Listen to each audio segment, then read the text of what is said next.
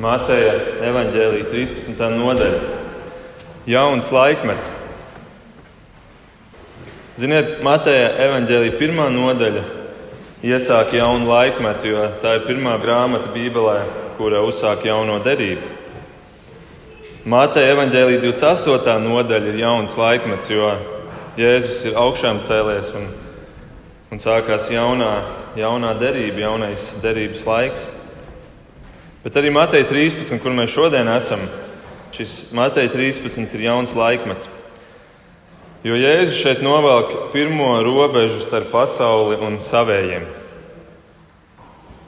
Šajā nodaļā Jēzus maina kaut ko savā stratēģijā. No līdz šim atklātās runas, ejot pie cilvēkiem, pie tautas, pie jūdu vadītājiem un runājot skaidrā valodā, viņš tagad kaut ko maina. Viņš sāk runāt slēptu runu, runāt mīklās, salīdzinājumos, metaforās, runāt līdzībās. Un mēs atceramies, ka iepriekšējā nodaļā, 12. nodaļā, Jēzus kalpošanā notika kāds lūzuma punkts. Tauta un, un jūda vadība nostājās pret Jēzu un teica, ka visu to, ko tu esi darījis, dziedinājis slimos, darījis brīnumus, paēdinājis izsalkušos, apklusinājis vētras, sludinājis vārdu, izrādījis labvēlību pret grēciniekiem. Tas viss ir darīts sātana spēkā. Un tāpēc, kad sasniegts šis punkts, Jēzus šajā 13. nodaļā sāk jaunu veidu savā komunikācijā. Viņš sāk runāt vairs tikai līdzībās. Uz tautu viņš runā līdzībās, bet savējiem viņš izskaidro līdzības. Un vairums teologu saka, ka pirmā no viņa līdzībām, kur ir vairāk nekā 30, pirmā no tām bija līdzība par sējēju. Un tā ir tā līdzība, kuru mēs šodien vēlamies apskatīt. Šī līdzība ir arī aprakstīta Marka evanģēlijā, un tur Marks ir piefiksējis vēl kādu svarīgu aspektu, kur Jēzus saka saviem mācekļiem. Viņš viņiem saka, jūs šo līdzību nesaprotat? Kā tad jūs sapratīsiet visas citas līdzības? Tā kā šodien, to, ko mēs šodien mācīsimies, tas ir pamats, tas ir rāmis visam pārējiem, visām pārējām Jēzus līdzībām. Un tāpēc es vēlos šajā rītā divus jautājumus atbildēt. Pirmais jautājums ir, ko nozīmē šī līdzība mums? Ko šī līdzība nozīmē, to ja es jau paskaidroju, bet ko tā nozīmē mums? Un otrs jautājums ir, kāpēc tad Jēzus runāja līdzībās uz vienu auditoriju un izskaidroja tās otrai? Kāpēc? Kāds ir teicis, ka līdzības ir pasaulīgs stāsts ar debišķīgu nozīmi. Pasaulīgs stāsts, jo tas ir vienkārši saprotams jebkuram. Un tomēr tam ir kāda daudz augstāka, jeb daudz dziļāka nozīme. Jēzus galējas jūras krastā, Jēzus bija iznācis, mēs lasījām, un tur bija liels pūlis. Tāpēc viņš aizgāja, iekāpa laivā, pabrauc bišķi no krasta, un tur ir laba akustika, pa ūdeni, kaņas viļņi labi plūst, un apsēdās. Un viņš sāka mācīt tautu. Un es pats esmu bijis pie Galilējas jūras, un, un šī Galilējas jūras ezers ir ieskauts kalnu. Un šie kalni ir tādām pļavām. Viņi nav tādi kliņšaini, bet viņi ir tādas pļavas, zaļi, zaļi kalni. Un, un šajā vietā notika arī tik veikta arī uh, lauksaimniecība diezgan aktīvi. Un tajā brīdī, kad viņš šo runāja, iespējams viņš kaut kur redzēja, ka kāds tiešām gāja un sēja sēklu. Jēzus saka, redzi, sējais izgāja sēt. Tajā laikā cilvēki dzīvoja pārsvarā ciematos un pilsētās, un tādas izolētas lauku mājas tikpat kā nebija sastopamas. Līdz ar to šim sējējam bija tiešām jāiziet sēt. Tas nebija tā iznākt ārā un dārzā kaut ko pasēt. Viņš devās misijā, viņš devās no savas mājvietas un gāja uz savu lauku sēt. Tas nozīmē, ka Kaut kādā mērā viņš iziet no savas komforta zonas. Viņš iziet un dodas ar kaut kādu mērķi ārpusē, ārā no savas mājas. Kas ir šis sējais? šajā līdzībā. Jēzus šeit to nepasaka, taču Jēzum pēc tam ir nākamā līdzība par nezālēm, un tur viņš 37. pantā saka, labās sēklas sējais ir cilvēka dēls. Tā kā mēs varam pieņemt, ka arī šajā līdzībā tas ir tas pats kungs Jēzus Kristus. Viņš ir izgājis no sava tēva mājas un viņš ir devies šajā pasaulē nest sēklu. Jā, nākamais jautājums, kas tad ir šī sēkla? To Jēzus pasaka šeit. Viņš saka 19. pantā, ka tas ir valstības vārds. Tie ir evaņģēlīja vārdi, labā vēsts par to, ka Dievs tā pasauli mīlēja, ka Viņš deva savu vienpiedzimušo dēlu lai ik viens, kas viņam tic, nevis pazustu, bet iegūtu kaut ko, iegūtu mūžīgo dzīvību. No šīs sēklas izaugt mūžīga dzīvība. Tātad Jēzus iziet un viņš sēž šo evaņģēlīju sēklu. Un, ziniet, tas ir viss, ko mēs zinām par šo sējai un par šo sēklu. Jēzus neko vairāk neatklāja. Viņš varēja runāt, piemēram, par sēšanas tehniku. Es šajās dienās, tepat netālu ejot uz biroju, es, es pāri ielai redzēju, ka ielas otrajā pusē pa trotuāru iet viena sieviete, un viņa šitā te iet, un viņa šitā te tā. Un, un tad pēc tam sapratu, viņa sāli bēr uz trotuāru. Viņa bija izreikinājusi, cik viņai jābūt lielam solim, un vienreiz viņa iet pa labi, vienreiz pa kreisi. Viņa bija atstrādājusi tehniku, kā noklāt vienmērīgi šo trotuāru, un lai viņi arī neiztērē pa daudz pat daudz šīs sāls. Arī sējējam, kurš um, laukā to darīja, viņam arī bija tehnika. Bet Jēzus par to šeit vispār nerunā. Tāpēc, ka patiesībā sējējam nav tik liela nozīme, un arī sēklai nav. Bet nozīme ir kādai citai komponentei, un tā ir augsne. Un tāpēc, ja es šeit koncentrējos, visu pārējo līdzību viņš izmanto, lai runātu par četrām augsnēm. Tad nākamais jautājums, ko simbolizē augsne?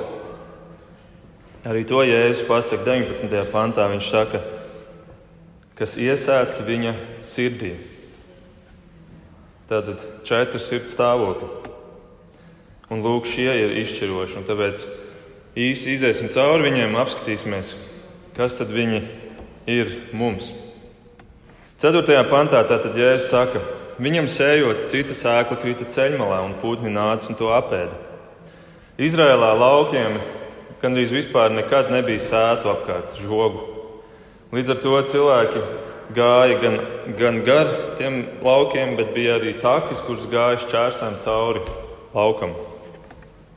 Tāpat kā mēs mūsdienās arī Mākslas akadēmijā mācot dizainu, es rādu saviem studentiem, kā citreiz uzliek trotuāru tādā 90 grādu leņķī, un pēc tam redz, ka pļaviņai cauri pa diagonāli ir izteigāts celiņš. Tāpēc, ka cilvēki iet tur, kur viņiem ir ērtāk un ātrāk. Un līdzīgi arī šeit, laukiem cauri veda celiņi, kur gadsimtiem ilgi cilvēki un lopi bija gājuši un nomīdījuši šīs takas. Sējais sēja, un arī kāda sēkla trāpīja šeit. Un šī sēkla Viņai nebija izredzes iesakņoties šajā zemē. Tāpēc vienīgais, kas ar viņiem varēja notikt, bija, kad atnāk putni un apētās. Un mēs zinām, ka putni nav ilgi jāgaida. Tāpēc mēs esam izgudrojuši tādu lietu kā putnu biedēkļus. Jēzus izskaidro, kas ir šie putni. Viņš 19. pantā paskaidro, pie ikviena, kas valstības vārdu dzird, bet neaptver, nāk ļaunais un nolaup, kas iesāc viņa sirdī.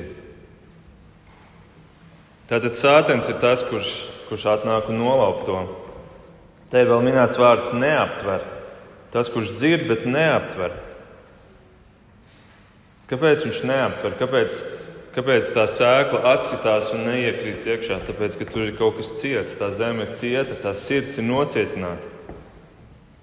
Tas ir cilvēks, kurš jūtas pietiekami labs ar to, kāds viņš ir. Cilvēks, kurš, kurš jūtās, ka tie grēki, kuros, kuros viņš dzīvo, ka tie nav tik traki un ka tos var attaisnot. Cilvēks, kurš mīl savus grēkus un negrib no tiem atteikties. Bet, ziniet, mēs te varētu daudz runāt par grēciniekiem, un mums varbūt domās uzreiz jau cilvēki, vat, viņi, viņi ir šie grēcinieki un viņiem ir šīs apcietinātās sirdis. Bet, ziniet, īstenībā, kad tu paskaties, ko Bībele, ko Jēzus runā par šīm lietām, viņš daudz vairāk to attiecina uz vienu citu cilvēku grupu. Nevis uz tiem pasaulīgiem grēciniekiem, bet uz tiem reliģiskiem cilvēkiem, uz tiem reliģiskiem cilvēkiem, kurus sirds ir nocietināts tajos bezjēdzīgajos rituālos un tradīcijās, kur viņi mēģina āršķirīgi izpatikt dievam. Vēlties piemēru? Rakstu mācītāji un farizēji.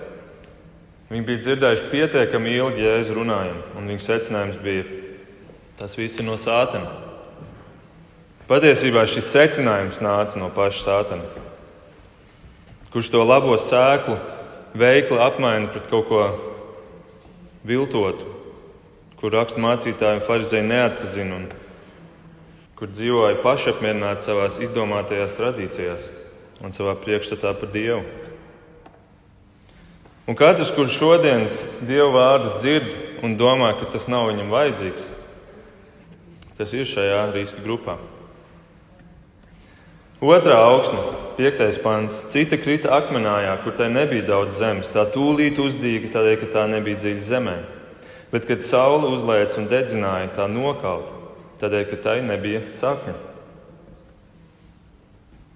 Te varētu būt runa par klinšainu zemi, bet tikpat labi varētu būt runa par akmeņiem, kuri ir turpat zem virskārtas. Tad sēkla iekrīt, tur ir kāda neliela kārtiņa zemes. Un šī sēkla izdīkst, un, un šī sakne nevar dziļi ieiet zemē, tāpēc ka viņa atsitās pret šo akmeni. Bet viņa strauji izaug koši zaļa, ātrāk nekā tās, kuras dzīves dziļāk sakne. Te izskatās kaut kas tāds, kaut kas tāds ļoti skaists un emocionāls un, un strauji. Un, ja es arī to paskaidroju, jā, ka tā arī ir, bet kas sēž akmenājā, tas vārdu dzird un tūlīt ar prieku uzņem. Reakcija ir tūlītais prieks un gatavība uzņemt. Taču viņā nav sakņu, un viņš ilgi neiztur. Kad nāk spaidi un vajāšanas vārda dēļ, tas tūlīt apgrēkojas. Un, ziniet, šī ir visviltīgākā augsta, tāpēc ka šī izskatās pēc patiesa ticīgi cilvēki. Šī izskatās pēc atgriešanās, pēc atmodas. Tur ir minēts prieks. Un tomēr prieks nevienmēr obligāti nozīmē patiesu atgriešanos. Tas var būt arī tīri cilvēcisku apsvērumu dēļ, ka cilvēks beidzot ir ieraudzījis kaut kādu atrisinājumu savām problēmām. Veselības problēmām, finansiālajām problēmām, sociālajām problēmām. Bet tas, kas ka tur kaut kas izaug. Tas no malas izskatās pēc kaut kā īsta, un tomēr mēs redzam, tas ilgi neiztur. Pēc tam seko aiziešana prom. Mums te bija viens no jautājumiem uzdots, jautājumu atbildžu dievkalpojumiem. Kāpēc tik daudzi aiziet atkal prom, atnāk un aiziet prom? Tāpēc, ka nav sakņu visticamāk. Kaut kas tur ar prieku notika ātri, koši, zaļš, bet nav sakņu. Vēlties atkal kādu piemēru no Bībeles? Viens ļoti spilgts piemērs ir aprakstīts vienā nodaļā. Viens nodaļas ietvaros izstāstīts šis stāsts par šādiem cilvēkiem. Es jums tikai dažus pantus izcēlšu, lai parādītu šo stāstu. Tas ir Jāņa evanģēlijas sastā nodaļa. Un tur mēs redzam, ka Jēzum sekoja otrajā pantā, Jēzum sekoja liels ļaužu pūlis, jo, un te ir rakstīts iemesls, kāpēc viņi sekoja jo, re, jo tie redzēja zīmes, ko viņš darīja slimajiem. Tā tad, o, Jēzus, iespējams, viņš arī manas problēmas varētu atrisināt. Iesim un sekosim. No malas izskatās pēc Jēzus sekotājiem, ja tā no tāluma paskatās, tur iet pūlis, Jēzus priekšā pūlis iet līdzi, un tie ir Jēzus sekotāji. Un vēlāk Jēzus pat viņus sauc par saviem mācekļiem. Un tad šajā nodaļā Jēzus paēdina viņus. 5000 vīrus tur Tur visticamāk bija arī 5000 sievu un vēl viņiem bērni, kādi katram četri. Tad tur sanāk ļoti liels pūlis. Un viņus paēdina, un Jēzus nozūd vakarā. Un nākamajā rītā viņi pamostās un skatās, kur viņš ir palicis. Mums ir jāiet viņu meklēt. Un viņi ar laivām dzenās pakaļ, pārbrauc pāri ezeram un atrod Jēzu. Un tad Jēzus viņiem saka, patiesi, patiesi es jums saku, ne tādēļ jūs mani meklējat, ka redzējāt zīmes, tā tad ir vēl sliktāk, bet tādēļ, ka jūs esat ēduši no tām maizēm un pēduši. Līmenis vēl zemāk. Un tad aiziet tēma par fizisko, par, par maizi, par ēšanu. Jēzus sāk runāt par, par to fizisko ēdienu un garīgo ēdienu, par manu no debesīm. Un beigās viņš pasaka, ziniet, es pats esmu ēdiens. 35. pantā viņš saka, es esmu dzīvības maize. Un tad pāris pāns tālāk mēs jau jūtam, ka kaut kas tiem cilvēkiem sāk nepatikt. Viņus 41. pantā jūdzi sāka kurnēt par viņu, jo viņš bija teicis, es esmu maize, kas nākusi no debesīm. Klausieties tālāk, 53. pantā, Jēzus viņiem saka, patiesi, patiesi es jums saku, ja jūs nēdat cilvēku dēlu miesu un nedzerat viņa asins, jums nav dzīvības sevī. Tātad Jēzus pasaka, iedod ultimātu, tev ir jāēd un tev ir jādzer ja tu gribi dzīvību. Un 60. pantā daudzi viņa mācekļi, redziet, viņa mācekļi, daudzi viņa mācekļi to dzirdēdam sacīja, šie vārdi ir pārāk smagi. Kas tajos var klausīties? Un tad šī stāsta skumjās beigas, 64. pantā, kur Jēzus saka, ir kādi starp jums, kas netic Redziet, mācekļi var arī neticēt. Viņi var būt mācekļi un tomēr neticēt. Tālāk, pantā. Jēzus jau no iesākuma zināja, kuri ir tie, kas netic, un kurš ir tas, kas viņu nodos. Viņš teica, tādēļ es esmu jums sacījis, ka neviens nevar nākt pie manis, ja tas viņam nav dots no tēva. No tā brīža daudzi viņa mācekļi novērsās un vairs negāja viņu. Redziet, šī saruna, kas ir ierakstīta vienas nodaļas ietvaros. Šodien cilvēki to izdzīvo mēnešu vai gadu garumā. Reizēm paiet pat gadi, līdz, līdz tas cilvēks beidzot jēzu un pa īstam pajautā, ko tad jēzu tu sagaidi no manis? Kas tu esi? Un saņēmuši atbildi, šādu atbildi, viņi saprot, tas nav priekš manis. Tas nebija tas, ko es biju gaidījis. Un, ziniet, te minēts šajā augstnē, kad pārbaudījums vārda dēļ tam nav obligāti jābūt vajāšanai, ka tev sāk skriet kāds pakaļ ar, ar šauteni rokās. Tas var būt vienkārši vārdi, ka tu dzirdi par Jēzu un tu saproti, tas ir priekš tevis pārbaudījums, kur tu nevari piekrist, piekrist tam, ko Jēzus māca. Šeit, šajā brīdī Jēzus jau neprasīja viņiem ēst jau viņa miesu un dzert viņa asins. Viņiem pietika dzirdēt šos vārdus, un jau viņi bija gatavi doties prom. Jo viņi gribēja jēzu, kuru var patērēt. Lūk, patērētāja kultūra nav tikai mūsu gadsimtā aktuāla. Patērēt savām vajadzībām, un tā nu viņi bija tādi, kuri bija bez saknēm lejup līdz tam dzīvā ūdens straumēm. Septītais pāns, nākamā augsne. Cita sēkla krita starp ērkšķiem, un ērkšķi izauga un to nomāca. Vēsturnieki raksta, ka Izraela bija burtiski noklāta ar ērkšķiem. Celsus 2. gadsimtā apraksta 16 dažādus ērkšķu veidus, kas ir sastopami Izrēlā. Un kāds cits vēsturnieks raksta, ka ģenecerēts ielā bija tik daudz dažu, ka dzirkšs pat nevarēja iziet cauri.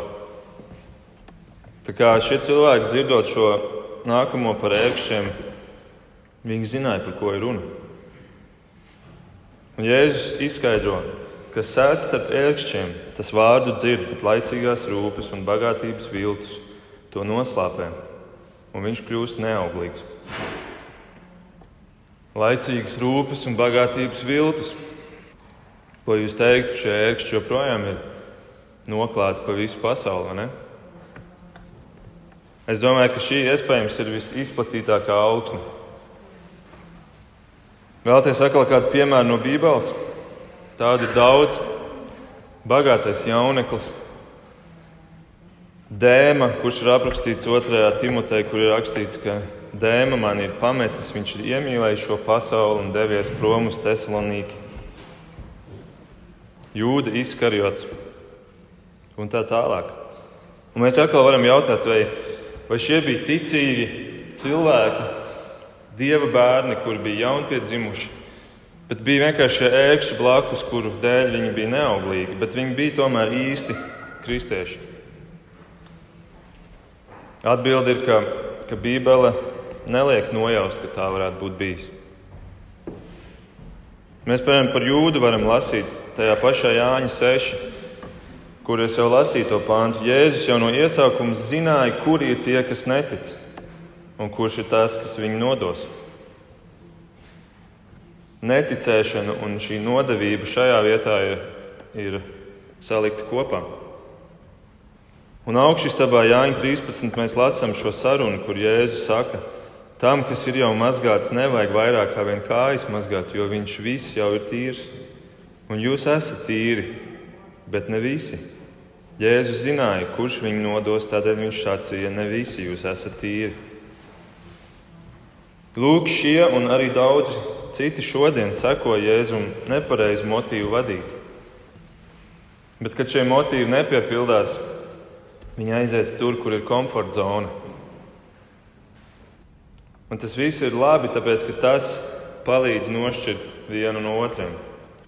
Un tādēļ pārbaudījumi un kārdinājumi ir ļoti laba lieta. Mēs parasti mūkam no viņiem, mēs parasti uzskatām, ka tā ir mūsu, ir mūsu dzīves tūkstneši. Bet tie dod mums to atbildi, kas tad mēs esam un kas ir Kristus mums. Jēzus noslēdz ar ceturto augsni, labā zeme. Šī viena vēl ir pēdējā, un tāda ir tikai viena. Un viņš saka 8. pantā, bet cita sēkla krita labā zemē un darīja ko? Darīja to, ko neviena no iepriekšējām trim nebija darījusi. Nesa augļus. Nesa augļus. Cita simtkārtīgus, cita 60 kārtīgas un cita 30 kārtīgas. Lūk, beidzot mēs redzam augļus. Beidzot, 4. augsnē Jēzus runā par augļiem. Iepriekšējā bija neauglīga vārds minēts, kad palika neauglīgi. Otrajā bija kaut kas īsi uzplaiksnīgi, bet tur nekas nebija patstāvīgs. Pirmajā vispār nekā nebija. Beidzot, ir augļi, Un ne tikai augļi, bet kāpēc Jēzus min šos skaitļus? Es ticu, tāpēc, ka viņš grib pateikt, ka tie augļi būs iespaidīgā apjomā. Tie augļi būs tik apjomīgi, ka būs skaidri redzams, ka šis cilvēks dzīvo jaunu dzīvi. Tie ir pārdabiski augļi. Cilvēks, kurš pats dara to savam godam, sako Kristum tikai tāpēc, ka viņš meklē kaut kādus nepareizus mērķus, viņš nespēs šādus augus nest. Jo šeit Dievs darbojas. Šeit ir kaut kas jauns, tā ir jauna dzīve, vecā dzīve aiz muguras un jaunā ir klāta. Un Jēzus izskaidro 23. pantā, bet kas sēž labā zemē, tas vārdu dzird un saprot. Saprot, un viņš nes augļus. Cits simtkārtīgus, 60 kārtīgus un 30 kārtīgus. Vidējais ražas apjoms bija, kā kurš teologs saka, daži saka, septiņi ar pusi kārtīgi. Citi saka, nu, desmit tas ir tā vidēji. Bet 30 tas ir ļoti labi. 60, 100 tas ir wow, tas ir neredzēts, tas ir kaut kas pārdabisks. Un es domāju, ka te nav runas par cilvēku augļiem, tur darīt brīnumus un dziedināt visu pēc kārtas. Un, un runāt mēlēs un, un, un darīt kaut ko tādu, ko, par ko tev ir skaidrs, jā, nu tas ir brīnums. Nē, ziniet, kas ir pārdabiski? Pārdabiski kad viens kritis cilvēks, egoistisks, lepns, slings, uz sevi vērsts, garīgi miris, ka viņš spēja mainīt savu raksturu un, un gara auglis parādās viņā. Un tad spēja mainīt savus darbus, jo viņš iekšēji mainās, un viņa darbs sāk mainīties. Un, un viņš sāk dzīties pretī svētumam, viņš sāk novērtēt to, ko nozīmē dzīvot, dzīvot bez grēka. Un viņš spēja ne tikai darīt labas lietas, bet viņš sāk domāt, ka viņš vairs negrib dzīvot sev, bet viņš sāk skatīties, ko dara viņa kungs. Un viņš sāk runāt savu kunga vārdus un darīt savu kunga darbus. Lūk, tie ir augļi. Tie ir daudz lielāki augļi nekā spēja dziedināt visus, kas šajā zālē šodien ir atnākuši. Jo šie augļi ir pastāvīgi. Un cilvēki redz šos cilvēkus, un viņi, viņi sāk iet līdzi. Un tā šie augļi veidojās no paudzes uz paudzi. Vai redzat šo kontrastu starp pirmajām trim augsnēm un šo ceturto? Es tiešām ticu, ka ir maldīgi uzskatīt, ka otrā un trešā augsne ir patiesi kristieši, kuri vienā brīdī dzīvē atkrīt no dieva. Jo nē, pēc viņu augļiem mums būs tos pazīt. Augļi vienmēr ir bijuši tas galvenais apliecinājums. Vai jūs vēlaties piemēru no Bībeles 4. augsnē? Ko jūs teikt par mācekļu vadoni apstulu Pēteru? Kāds teiks, pagaidiet, pagaidiet, pagaidiet, viņš, ir, viņš izskatās ļoti pēc tās otrās augsnes. Kad nāk vajāšanas, tad tad, tad atkrīt, aiziet prom, pamet visu. Jā, Pēters aizliedz Jēzu trīs reizes, jo acīm redzot, viņš tiešām baidījās no vajāšanām. Un tomēr vai viņš nesa augļus? Un kā vēl? Vai viņš izmainījās savā raksturā, savā attieksmē, vai viņš mainīja savu dzīvi un pameta visu, kas bija aiz muguras un sekoja savam kungam Kristum? Vai viņš runāja savu kunga vārdus, vai viņš darīja savu kunga darbus? Vai viņš pat nomira tā kā savs kungs piesis krustā? Literatūra saka, ka jā, Bībele saka, jā. Redziet, tā nav. Viņš nav otrā augsne. Viņš ir ceturtā augsne, viņš ir labā augsne. Jo atcerieties, atcerieties ko Jēzus pirms šīs nodevības Pēterim teica Jāņa 13. Es atkārtošu šo pantu. Tam, kas jau ir mazgāts, nevajag vairāk kā vien kājas mazgāt, jo viņš viss ir tīrs un jūs esat tīri. Pēter, tu esi tīrs, Pēter, tava augsne ir attīrīta, Pēter, tava augsne ir izretināta, tava augsne ir sagatavota. Jā, Sātens gan gribēja Pētera augļus izkaisīt, bet nekā vairāk par tādu vienu vēja brāzmu tur nesanāca. Jo Jēzus bija parūpējies, Lūkas 22. Viņš saka Pēterim, Sīmani, Sīmani, redzi, Sātans ir gribējis jūs sijāt kā kviešus. Bet es esmu lūdzis par tevi, Pēter, lai tava ticība nemitētos. Un kad tu atgriezīsies, jā, kad tu atgriezīsies no tās nodevības atpakaļ, tad stiprini savus brāļus, jo tu būsi kļuvis vēl stiprāks. Lūk, ceturtā augsne šī svētītā, šī, šī svētītā ceturtā augsne. Un tagad tas svarīgais jautājums, kāpēc šī, šī ceturtā augsne ir laba? Kurš viņu padarīja labu? Vai, vai cilvēks pats kaut ko darīja, lai šī augsne būtu laba? Tā atbilde ir, ka Dievs šo zemi sagatavo. Šī ceturtā svētītā augsne ir Dieva sagatavotā labā zeme. Un kas tā ir par laimi, ja tu vari būt ceturtā augsne?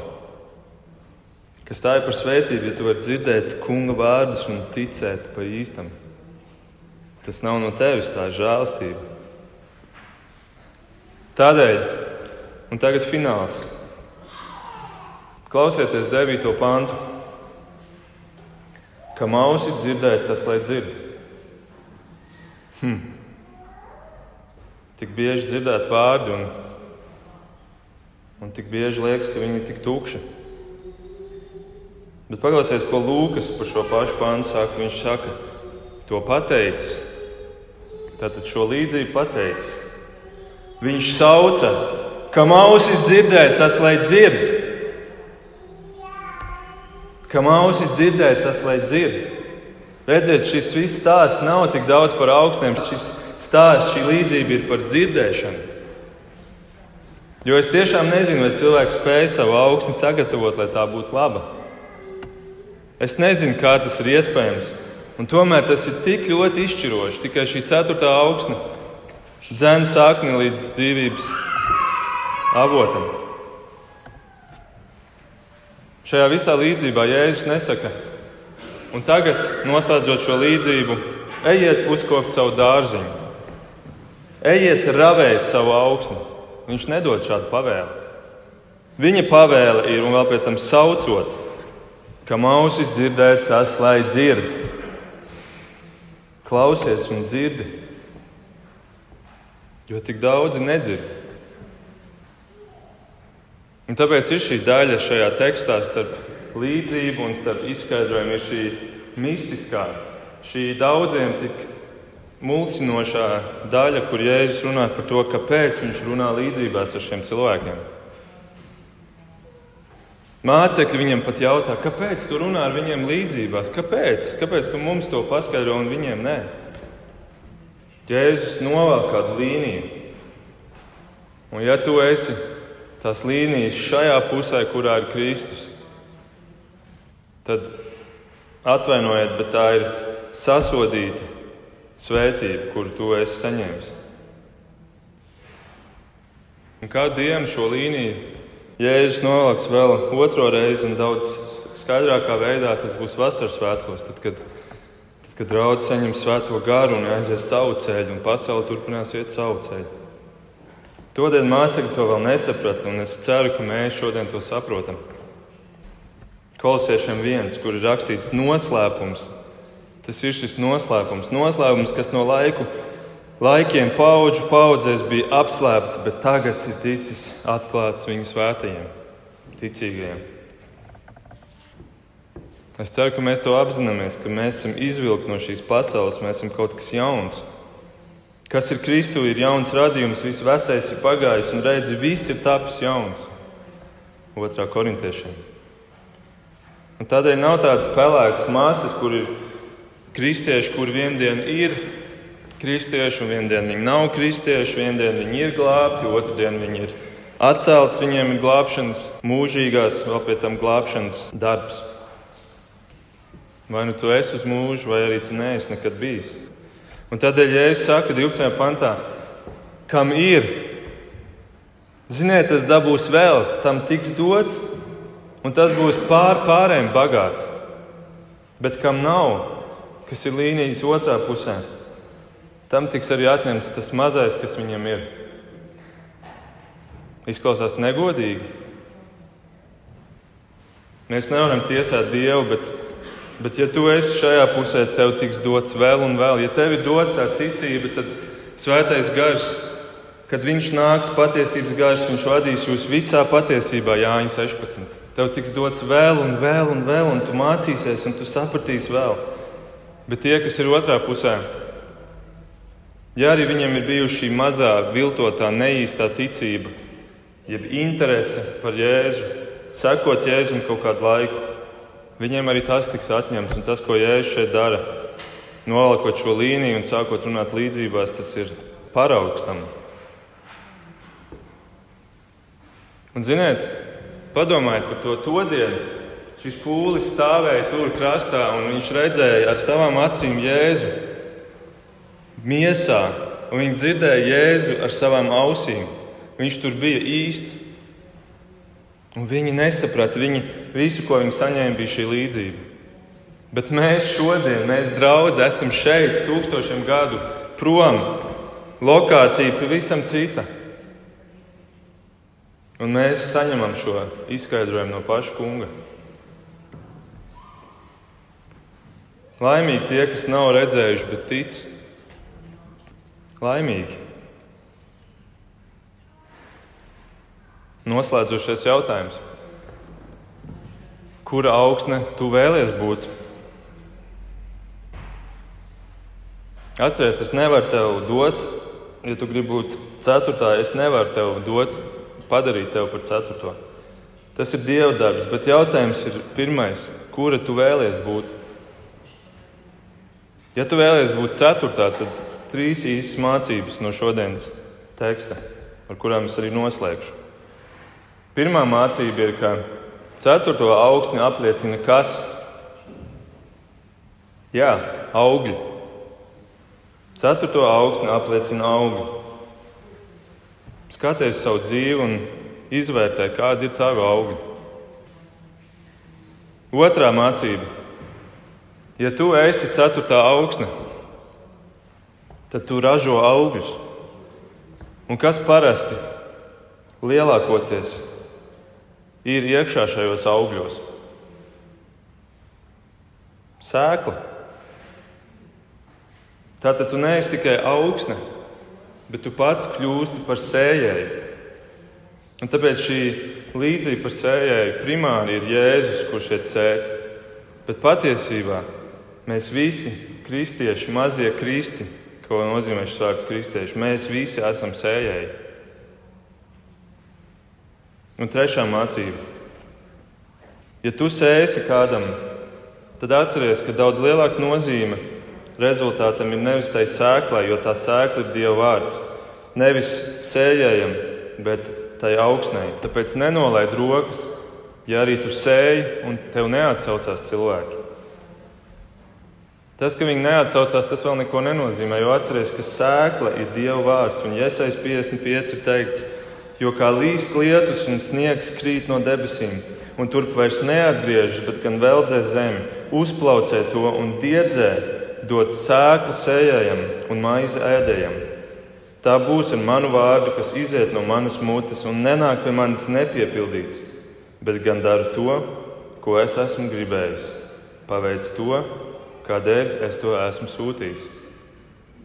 Dieva vārds darbojas pats no sevis. Ja tu esi ceturtā augsne, tu ražo sēklu un tev ir dots šī sēkla, lai tu viņu sētu. Dieva vārds ir dzīves un darbīgs. Viņš pats darbosies. Nenolaid rokas, ja, tav, ja tu neredzi savu acu priekšā, ka nāk jau augļi un uzdīkst. Atcerieties, otrajā augstnē kaut kas ļoti ātri uzdīga, un tas nebija īsts. Bet tas, kas nesīs augus, tas varbūt nāks ar laiku. Un tādēļ ej un sēj, starp pasauli, ej un sēj draudzē, pieaugušajiem un bērniem.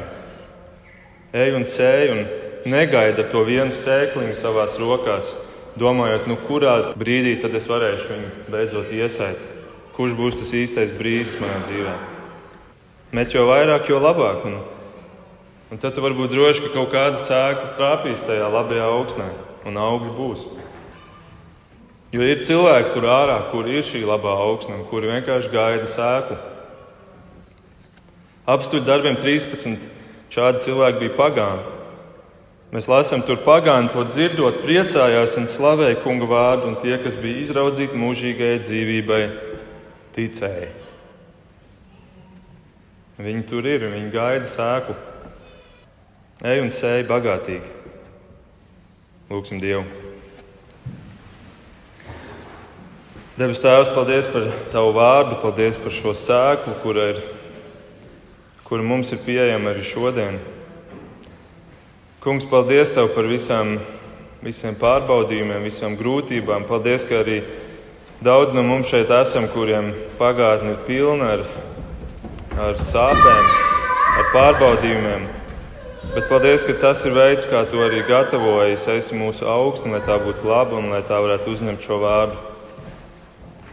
Lūdzu, palīdz mums arī tā raudzīties uz, uz mūsu dzīvē, uz priekšu ejot, ka tu turpini strādāt ar mums, ka tu uzvar šo zemi, ka tu plēs pušu, nezālēji saknes. Lūdzu, kungs, lieto mūsu savam godam, lūdzu, dod, ka mēs varētu būt sējēji, kuri nes tālāk šo tavu skaisto, spēcīgo sēklu vārdu. lai tev gods un slāva un pateicība. Āmen!